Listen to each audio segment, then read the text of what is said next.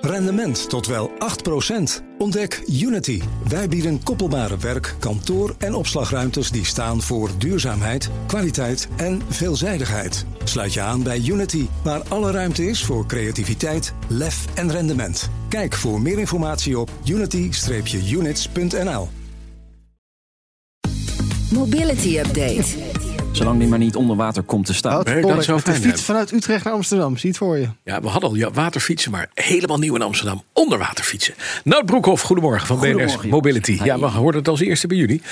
Dan gaan we naar het nieuws van nu. Eh, Er komt mogelijk toch een landelijk verkoopverbod voor snor- en bromfietsen met een verbrandingsmotor. Ja, dat verbod eh, per 2025 leek eh, van der baan. Ja. Leek, want het mocht niet van de Europese regelgeving. Maar uit nieuwe inzichten blijkt dat dit wellicht toch mogelijk is. Dat schrijft de, de staatssecretaris Vivian Heijnen Ja. in een Kamerbrief.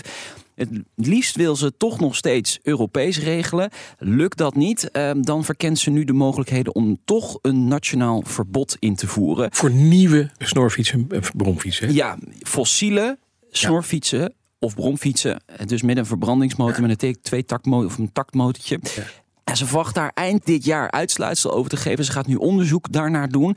Het verkoopverbod gaat sowieso niet in per 2025 als het er komt. Want er moet meer tijd zitten tussen de aankondiging en de uiteindelijke invoering. Eh, de Europese regelgeving eh, die eh, wil dat er een gelijk speelveld in Europa is. Hè. Dan schaadt je eigenlijk de interne markt als alleen Nederland dit verbiedt. Dus daar moet nog goed naar gekeken worden. Maar ik snap wel dat ze zo'n verbod wil. Ja. Ehm, het aantal elektrische brom- en snorfietsen neemt ook al erg toe. We hebben vorige week een, eh, een verhaal over gehad hier ook op BNR. En het verschil tussen een auto en een elektrische scooter is ook wel groot. Dus een, een elektrische scooter is wel wat duurder, maar in total cost of ownership uiteindelijk Ja, eh, best goedkoper. goed betaalbaar. En je zit niet met zo'n stinkding in de stad. Dat. Want die knetterende verbanding Ja. door een Vespa's waar je achter fietst. Dat je denkt, jeetje man, dat is echt, eh, dit hup, weer twee jaar van mijn leven weg. Het stinkt, het maakt herrie, Ja. het moet van de baan.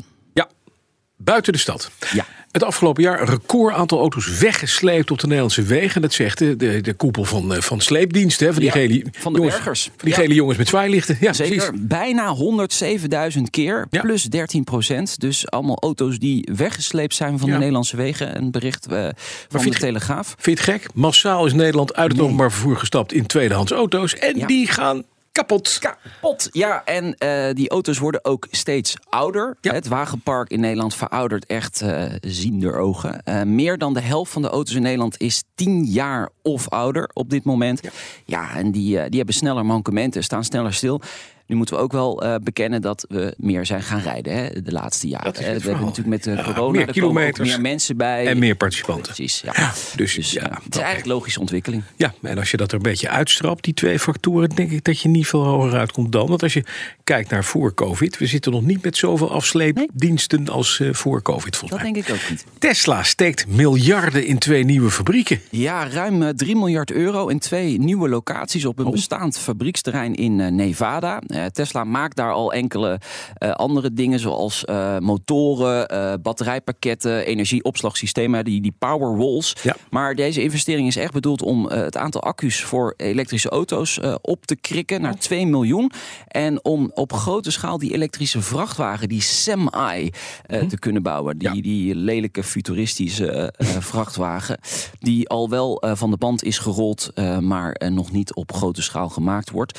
Nou ja, toch met deze uitbreidingsplannen creëert Tesla weer, eh, weer banen. 3000 dat is toch eh, mooi eh, voor de staat Nevada. Daar kunnen mensen aan het werk. Dus Ja. een, een grote investering. En ja, iedereen wacht natuurlijk op de kwartaalcijfers van Tesla. En die, die komen komende nacht. Dus ik ben benieuwd.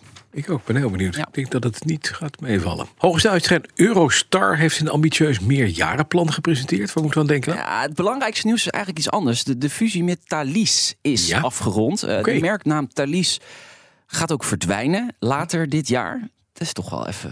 Dat is jammer, want de Belgen konden van dat de- zo over. de over de Thales-trend. Thalys. De Thalys. Trend, Ja, ja. ja.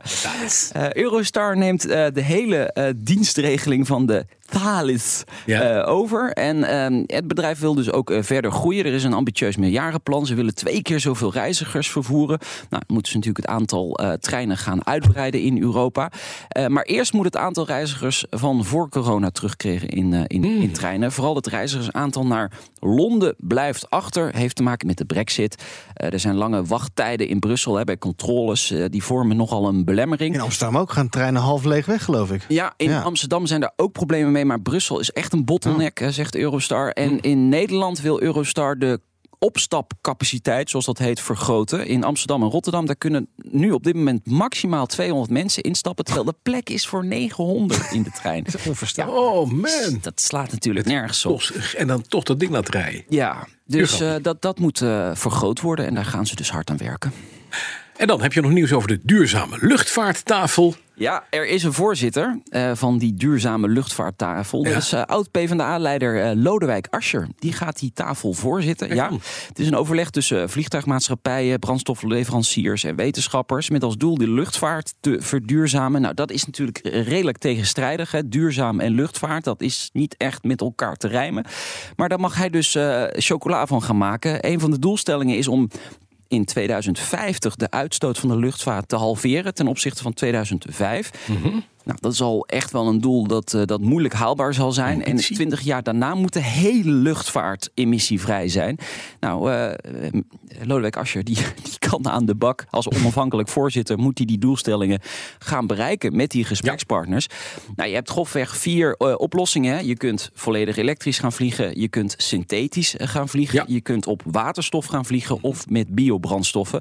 Dus een van die vier moet gewoon goed uitgewerkt gaan worden met, met de industrie en met de sector. En eh, benieuwd eh, wat dat gaat opleveren. Nou, wij als Nederland met 17, miljoen- bijna 18 miljoen mensen en eh, geen luchtvaartindustrie zijn ook inderdaad een partij die hierover moet nadenken. Ik Nogmaals, Asscher over de hele wereld moet gaan kijken om te kijken hoe dat gaat dan. Overal heen vliegen. Ja, Ja, ik het- moet altijd denken bij, ook met het rekeningrijden hebben wij ooit op de A12 Tineke Nederlandbos Memorial Oh ja. Arch neergezet, zoals wel het zegt. Dat is het mooie ding met meetsystemen die in heel Europa al breed bekend waren en verkrijgbaar waren. Maar we gingen het zelf bedenken. Ja, we, we gingen het. Altijd we- goed. we- we- maar zo is Lodewijk Asscher ook weer een beetje onder de pannen, moet je ja, wel denken. we, we vinden vaak graag het wiel opnieuw uit. En Ja. we houden ook wel in Nederland van polderen. hè. Veel overleg. Ja, ja, dat kunnen we wel. Hè? Nog maar een overleg erbij. Fijn. Fijn. Nou, Broekhoff, dankjewel. Vanmiddag om half drie trouwens eh, een nieuwe aflevering van BNR Mobility. Dan maandag. wordt... Maandag. Oh, sorry. Ja, maandag. Ik zeg het verkeerd. Maandag half drie, nieuwe aflevering BNR Mobility. Dan wordt ook de spitsbreker van het jaar bekendgemaakt. Er zijn Ja. nog drie kandidaten over. Lodewijk, Asscher. Nee, nee, Oh, nee, nog, ik nog niet. Ik moet nog even gemeente je best voor Rotterdam. doen. Ja, en eh, vanmiddag om vijf voor vier, want dat wil je eigenlijk ook zeggen. Petrolheads. Dat dacht ik. Dank je, Nout. BNR Mobility Update wordt mede mogelijk gemaakt door ALD Automotive en BP Fleet Solutions. Today, tomorrow, together. Rendement tot wel 8%. Ontdek Unity. Wij bieden koppelbare werk, kantoor en opslagruimtes die staan voor duurzaamheid, kwaliteit en veelzijdigheid. Sluit je aan bij Unity, waar alle ruimte is voor creativiteit, lef en rendement. Kijk voor meer informatie op unity-units.nl.